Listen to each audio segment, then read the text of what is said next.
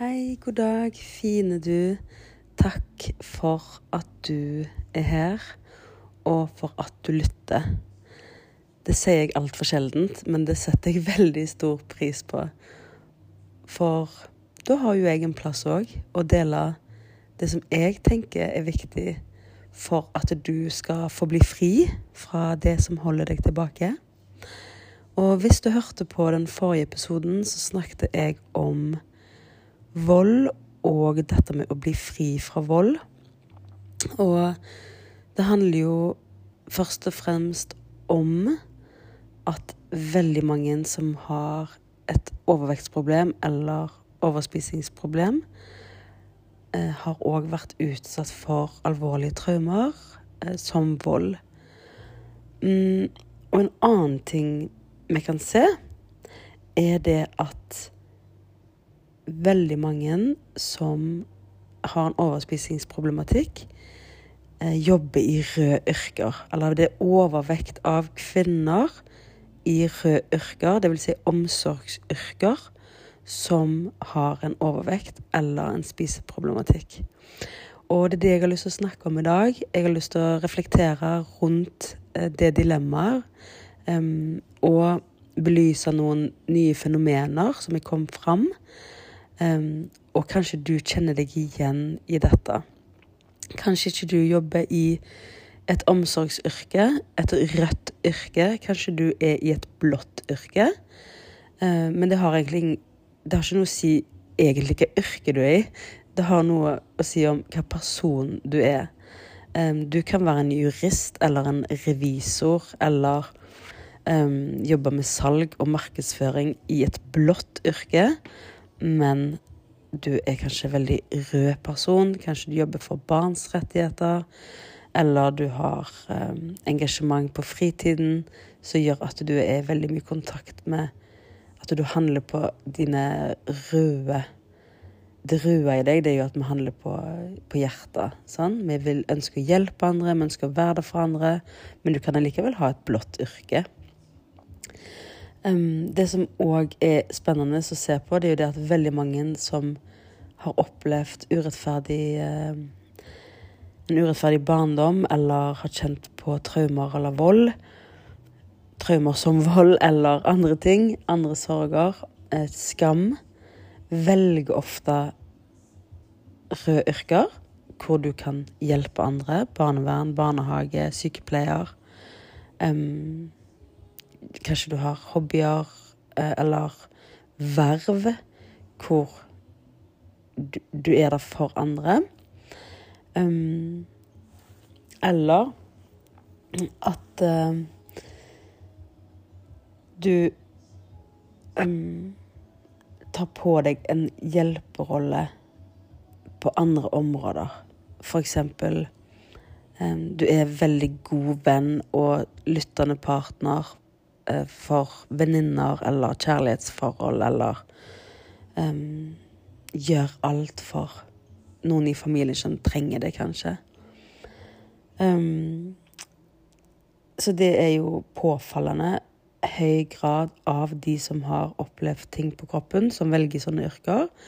Det er jo helt forståelig. Du har kanskje opplevd noe, så vil du være der for um, andre barn, f.eks., som som du vet eh, opplever det samme som du har opplevd, og, og du har lyst til å hjelpe. Ellers er det fordi kanskje du har opplevd eh, Det kan være andre ting. At vi har hatt så gode lærere, eller vi har hatt så gode barnehageansatte at vi har òg lyst til å være til inspirasjon.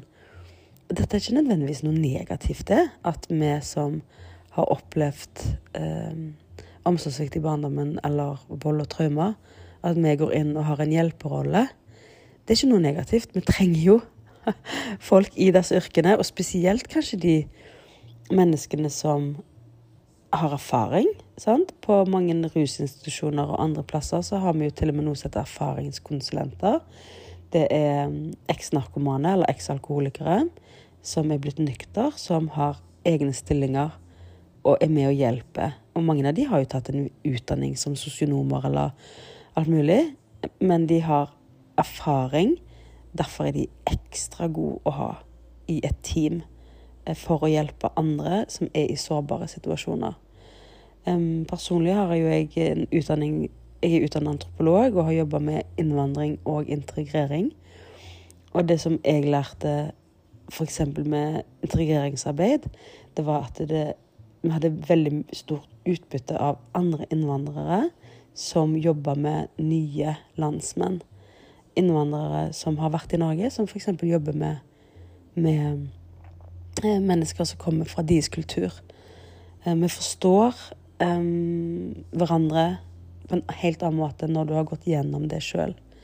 Det betyr ikke at det betyr ikke at jeg kan være en god hjelper, selv om jeg har de erfaringene som, som du har. Um, jeg sier ikke det at hvis jeg er narkoman, eks-narkoman, så er jeg kjempegod på å hjelpe andre til å bli fri fra, fra misbruk. Men det kan være en god kombinasjon hvis du har de rette egenskapene. Eh, kanskje en utdanning, kurs, jobberfaring, og at du har erfaring fra det de står i, de du ønsker å hjelpe. Um, jeg har òg jobba med jenter og gutter som har hatt en tøff oppvekst, og det er jo det hjertet mitt alltid har ligget. Og det tok veldig mange år. Det er helt utrolig at jeg ikke så det før. Men for eksempel så er jo jeg vokst opp med brødre som har vært kriminelle eh, fra veldig ung alder. Og jeg har liksom ikke sett at jeg, Og jeg har vært besøks, eh, besøksperson i fengselet for purunge ungdom. Purung ungdom. ung. Ung voksen. Ja, du forstår hva jeg mener. Men det, det, tok mange år før jeg trakk de parallellene, og det er jo helt utrolig. Jeg ser jo det så tydelig nå at eh, jeg har jo alltid hatt lyst til å være der for de ungdommene eh, som ikke har blitt sett eller forstått. De som blir skinntilpassa, de som prøver å være perfekte, de som ikke vil være til bry for familien, eller de som blir det sorte fåret. Altså, jeg har hatt lyst til å hjelpe de som både blir kriminell, og de som blir den perfekte, som aldri ønsker å gjøre noe galt fordi det har ikke familien plass til, rett og slett.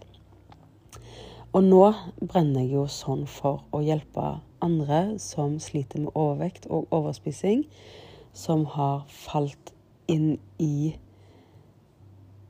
dette fengselet, dette destruktive nedadgående spiralen med diett. Fordi jeg har vært der sjøl og flykta. Jeg brukte diett og spisekontroll for å håndtere uro i meg um, som forskylda overspising. Og så brukte jeg diett til å ta kontroll, og det var jo å søke helt feil plasser. Um, og det er her vi kommer inn på kjernen av det jeg har lyst til å snakke om i dag, som er et fenomen som jeg lærte først og fremst på jobb. Dette med når du blir utsatt for omsorgstrøtthet. Um, for siste jobben min så jobba vi med i, i, barnevernet. Så hadde vi en fantastisk god psykolog som snakket om hvor viktig det var at vi ivaretok oss sjøl, og at vi la jobb være jobb, og ikke tok det med oss hjem. Um, og det er jo vanskelig når vi er omsorgspersoner og jobber med menneskelige relasjoner. Og, og du jobber med ungdommer. sant? Du blir glad i dem, de har forventninger til deg, du har forventninger til dem. Å gi av seg sjøl uten å bli følelsesmessig engasjert. Ja, vis meg den personen som kan det. Um, og omsorgstrøtthet, det er på en måte når du gir og gir og gir og så får du kanskje ikke tilbake. Du har en opplevelse av at du blir tappa. Og det var ikke den siste arbeidsplassen min som gjorde at jeg ble tappa. Det var min manglende evne til å ivareta meg sjøl. Det var mange forandringer på en gang. Det var covid, det var andre arbeidsinstrukser. Det var um, omorganisering på jobb. Og jeg klarte ikke å være en god eh, leder for meg sjøl. Fordi jeg har vel hatt dette people pleasing-syndromet. Og eh, fasade at jeg ville ikke at noen skulle vite hva jeg har syntes har vært tøft. Um, og det er mange andre grunner til at, uh, at jeg ikke tok vare på meg sjøl der og da. Um, jeg har vel alltid flykta til jobb hvor jeg skal redde alle andre, og alltid sagt ja. Hvorfor, har, hvorfor blir vi sånn? Det skal vi snakke om. Og jeg håper at du finner inspirasjon i denne podkasten til å snu blikket inn til deg, for dette har ikke noe med meg å gjøre. Jeg har kommet meg ut av denne negative spiralen, men det er fremdeles en daglig jobb. For når vi har gjort noe i 40 år, så handler det om å snu det. Og det er ikke gjort, i en hel, det er ikke gjort med et knips. Jeg må fremdeles jobbe hver dag med å være bevisst mine behov og mine triggere, og hva feller jeg lett kan gå inn i igjen av destruktive handlingsmønstre, som f.eks.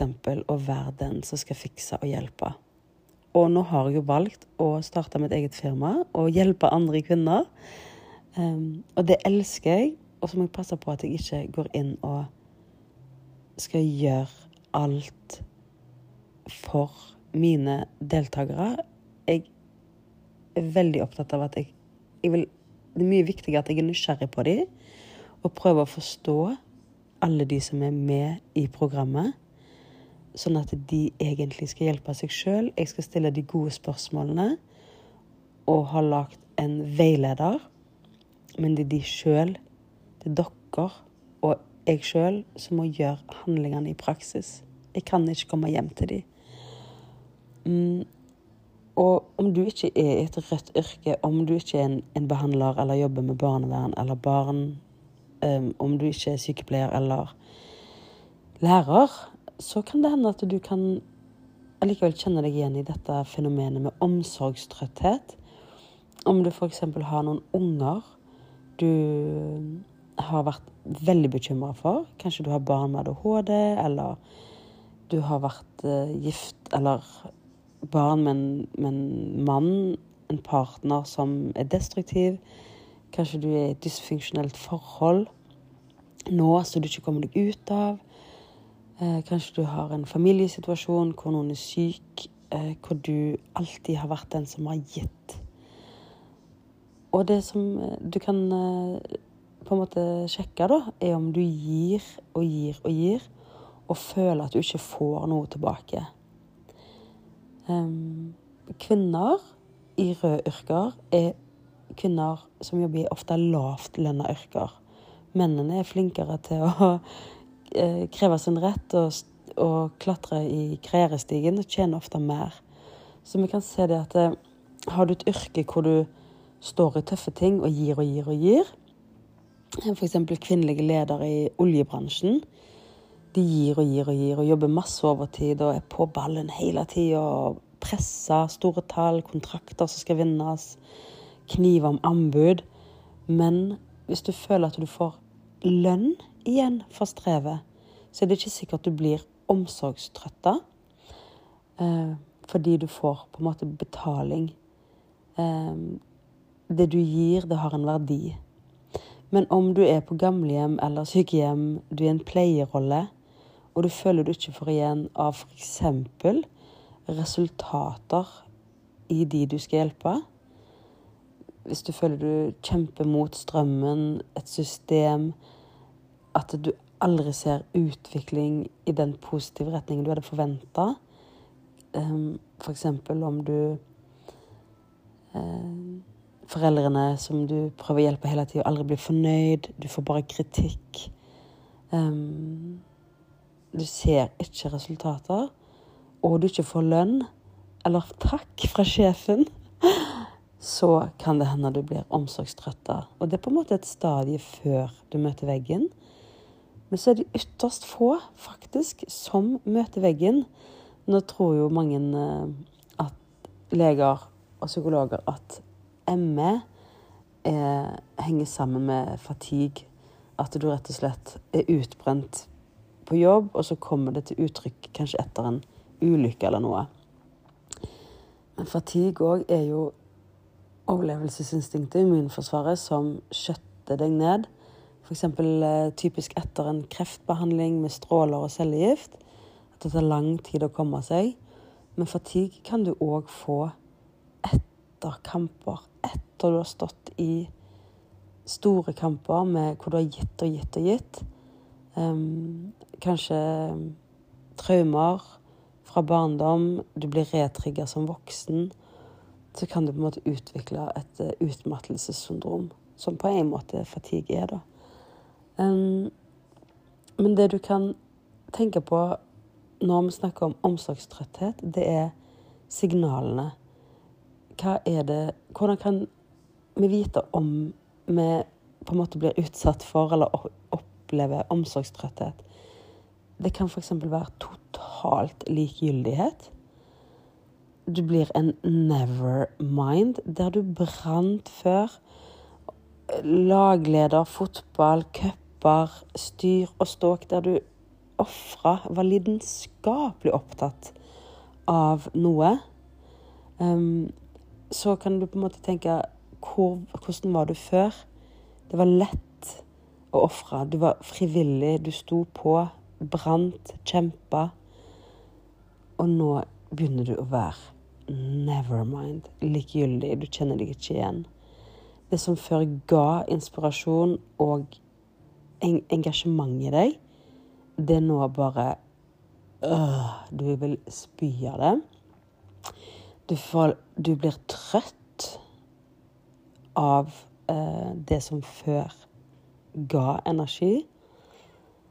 Og andre ting kan være at du begynner å miste engasjement òg når du kommer hjem.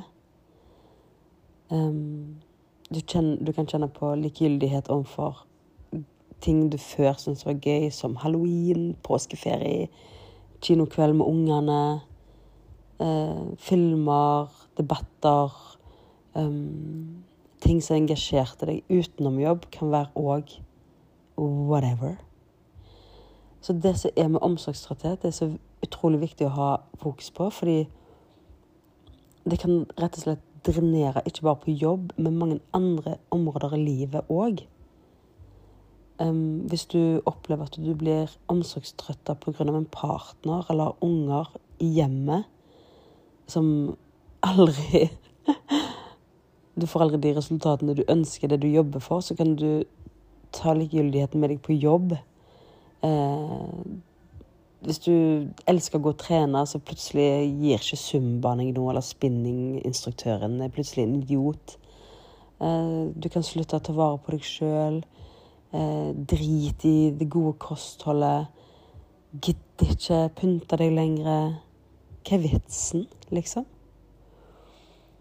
Og det er så viktig å være bevisst dette. For dette handler om at du har ikke fått påfyll på kontoen. Um, og hvorfor går vi inn i denne rollen som hjelper?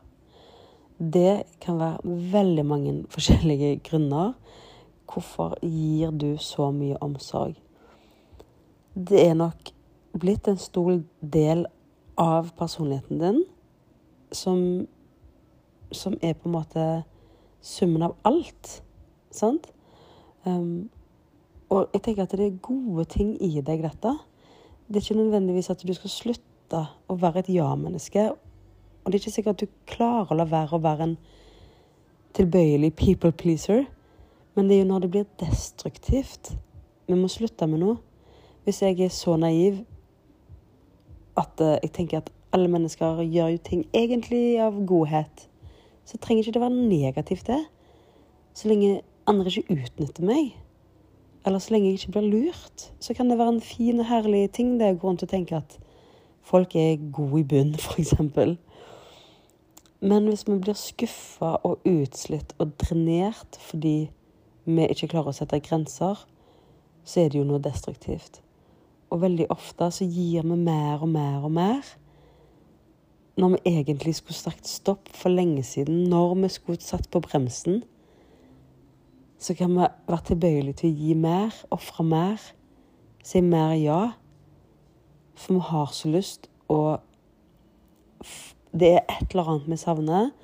Om det er takknemlighet, om det er når jeg gir masse og er en viktig person f.eks. For, for partneren min eller ungdommer på jobb eller for kundene mine, så kan det være òg noe destruktivt i meg, noe som trenger påfyll, at da binder jeg jo de til meg. Hvis jeg er en veldig god venninne, og hun kommer alltid til meg med sine problemer, da er det noe i meg som kanskje sier at det er viktig for meg å knytte folk til meg, ellers er jeg ensom. Sånn, nå kommer vi med forskjellige hypoteser, forskjellige forslag. Du må kjenne hva det, hvorfor er det så viktig for deg å være den som gir og gir og gir. Hvorfor er det så vanskelig for oss å si nei? Hva, hva skjer hvis jeg setter grenser? Hva skjer hvis du sier at 'nei, jeg kan ikke jobbe overtid'? Eller 'nei, nå, nå får noen andre ta seg av det'. Middagen eller de papirene. Whatever. Um, det kan være fordi når vi tidligere har satt grenser, så har det fått negative konsekvenser, kanskje. Og en annen ting med mennesker, urinstinktivt, så er vi livredd for avvisning. Veldig mange av de som jeg snakker med, har aldri sendt inn en sykemelding. Jeg har all, ingen sykemeldinger, jeg, så er vi liksom stolt over det. Og plutselig så har du møtt veggen har ikke tatt kroppens signaler om svimmelhet, om likegyldighet, om nedsatt energi, og der ligger vi. Jeg sjøl var ikke sykemeldt en dag før kroppen sa stopp og besvimte. Jeg trodde det var eh, organsvikt. Jeg trodde det var et eller annet nyrestein eller eh, et eller annet feil med Eh, hva heter det? Nå har jeg glemt hva det heter. Når du drikker for mye kaffe. Og at jeg hadde sånn At det var noe med det. Jeg, jeg kobla ikke at det var overbelastning totalt. Og summen av alt Det var tøft på jobb. Mange år i omsorgsyrket. Og et brudd. Flytting. Skam. Masse eh, på privaten. Og der krasjlanding pluss long covid. Hva kommer først, høna eller egget? We don't know. Men hvis vi passer på å ivareta mine behov eh, på hva jeg trenger psykisk, psykologisk, åndelig og fysisk Hvis jeg klarer å passe på rammene mine rundt meg, så forebygger jeg jo å bli utsatt for omsorgstrøtthet eller fatigue eller å bli utbrent. Så det er ikke alltid vi vet om det er den influensa som knocker deg ut, eller om det er at katten blir påkjørt etter du har vært pårørende f.eks. til en kreftpasient i familien. Vi vet aldri hva det er som vipper oss av pinnen. Um, men bare det å være bevisst at det fins et fenomen, omsorgstrøtthet, å være klar over Er du i faresonen for å på en måte komme inn i omsorgstrøtthet? Eller ikke? Ivaretar du deg såpass godt på de forskjellige områdene. sant, psykisk. At du ivaretar dine behov når det kommer til hva som gjør deg glad, og hva som drenerer deg. og fysisk. At du får nok søvn, god næring, hvile. Nok gledespuls og hvilepuls. Og har du kontakt med det åndelige i deg Og da mener jeg ikke at, at du skal gå rundt og bli spirituell og få kontakt med en høyere makt, selv om det har hjulpet meg veldig. Å ikke være så himla låst og klare alt sjøl, men å gi litt slipp. Og heller stole på at ting ordner seg. men dette med hvorfor setter du ikke grenser, og hvorfor er det så viktig å gi alt? Hva kan du gjøre for å ikke havne i omsorgstrøtthetssporet? Nå for eksempel sitter jeg i sofaen min med pledd, drikker Farris, hører på god musikk, tenner stearinlys, koser meg med denne podkast-episoden, har notater, kikker på utsikt, utsikten og fine blomster som jeg har fått. Um, å snakke om vanskelige ting, men det gir meg allikevel glede, fordi jeg er i et miljø hvor det er trygt og godt. Ja, da lurer jeg på hvilket miljø er du i?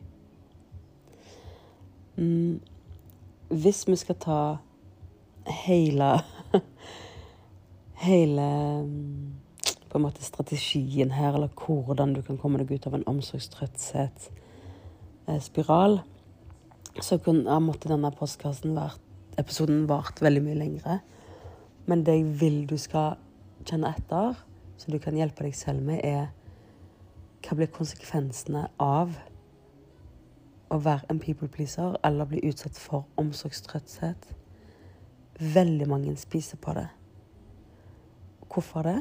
Fordi at du er så fricking likegyldig likevel. At du driter i alt som heter for gode vaner. Og det letteste løsningen til å få energi, eller den letteste måten å få god energi og kjenne på lykke, lykke igjen, er via smaken. Er via Vi programmerte å døyve ubehagelige følelser med sukker.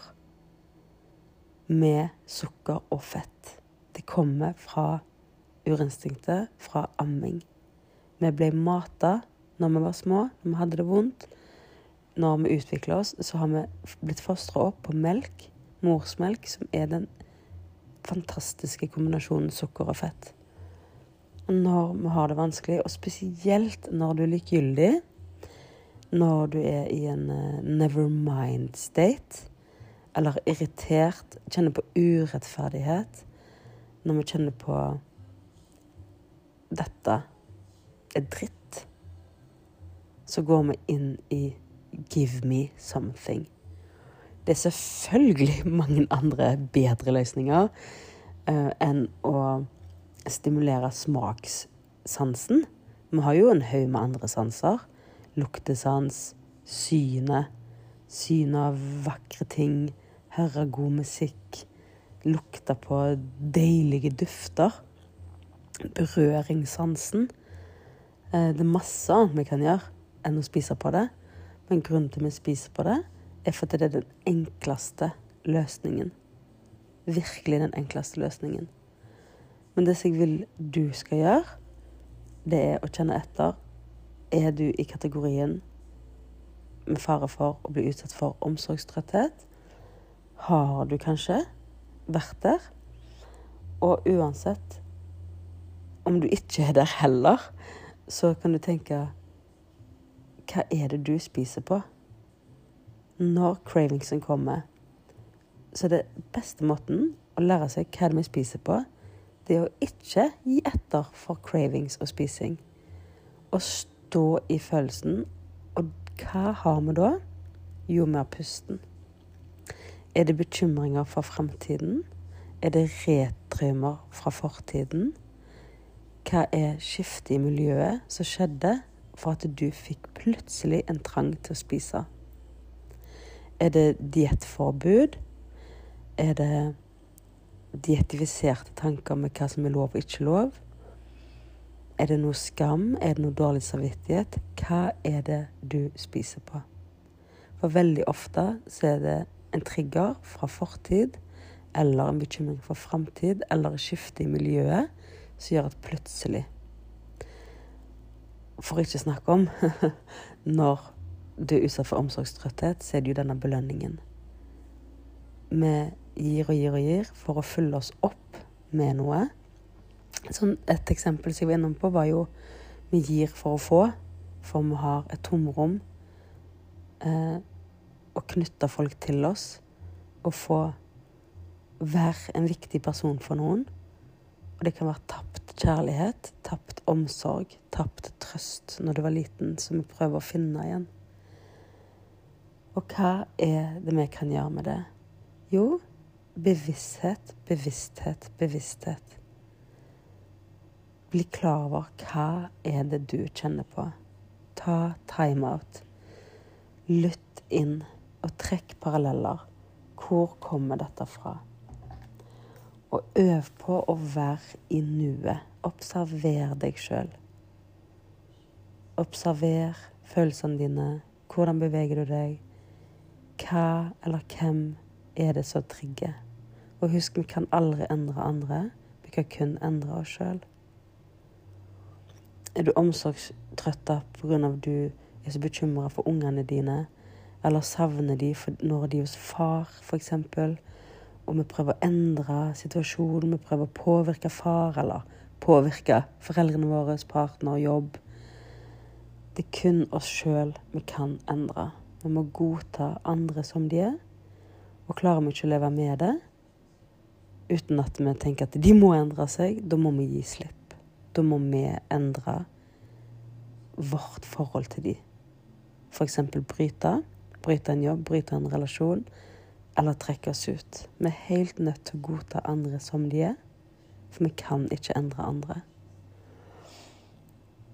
Og det samme her, da, som kanskje er det ekstra vanskelige, er å godta oss sjøl. Og vi kan selvfølgelig Jeg jo, elsker jo det å utvikle meg og jobbe for at jeg alltid skal være en bedre utgave av meg sjøl. Jeg har jo et mål det er aldri så lite som om at jeg vil være den beste veilederen til absolutt alle som sliter med overspisingsproblematikk. Til alle som har prøvd dietter, så vil jeg være en motpart og si at du kan bli fri fra overvekt uten diett. Du kan ha et liv uten diett, for jeg vet at diett er et kontrollbehov på samme måte som et kontrollbehov på andre områder i livet. Um, det er en avhengighet som andre ting.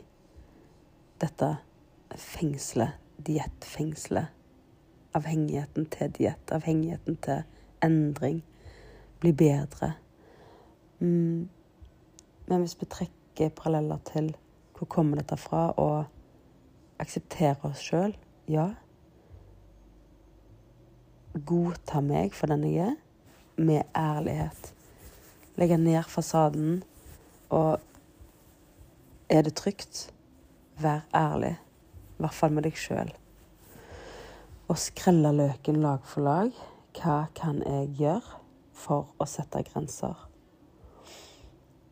Og når du kjenner at du blir trigga, når du kjenner du ønsker en belønning, når du klarer å se hva er det retraumatisering står i fra barndom, eller hva er det jeg er bekymra for i fremtiden, eller hva er skiftet i miljøet her og nå, så har du pusten. Istedenfor å spise på det, istedenfor å drikke på det, trene på det, rømme til sex, eh, festing eh, Himlaprosjekter og frelseoppdrag hvor vi skal redde verden. Så se inn. Du skal heale deg sjøl først. Når du healer deg sjøl, når du gir all omsorgen som du før har gitt ut, når du gir den til deg sjøl, så får du det tusen ganger bedre. Og de rundt deg får det bedre. Når du begynner å ivareta dine behov, så lærer vi samtidig de rundt oss hva du setter som standard. Når jeg lærer meg å sette pris på meg sjøl og ta vare på mine behov, så lærer jeg òg sønnen min at du har lov til å ivareta dine behov og sette grenser. Ellers så lærer jeg jo han å bli en skinntilpassa people pleaser som mest sannsynlig blir utsatt for omsorgstrøtthet, han òg. For det er det han har lært av mamma. Vi skal bare gi og gi og gi og gi. Og samtidig, når jeg setter mine nye grenser og setter meg selv i respekt, så oppdrar jeg òg andre rundt meg til at de vet at det tolererer ikke Kjellaug. Det liker ikke Kjellaug. Det liker Kjellaug. Og hvis ikke de kan være aligned med det, then you are not longer my person. Hvis du tenker det er greit å komme for seint, greit å bryte avtaler, greit å låne penger og ikke betale tilbake, noe som jeg før bare 'Ingen problem, det går fint, du, du, du, jeg fikser'. Det er fader ikke greit lenger. Hold avtaler, betal tilbake penger, og ikke spør meg om å låne penger mer. I'm not your bank. Jeg er alenemor, jeg òg, og sliter med å få endene til å møtes. Men før så hadde jeg sagt ja til å låne vekk hva som helst. Jeg finner ikke engang snowboardet mitt, for jeg har lånt det vekk til noen som fader ikke leverte tilbake. Jeg måtte kjøpe meg nytt brett. Og det viser jo at ting går for langt, sant? Mm, så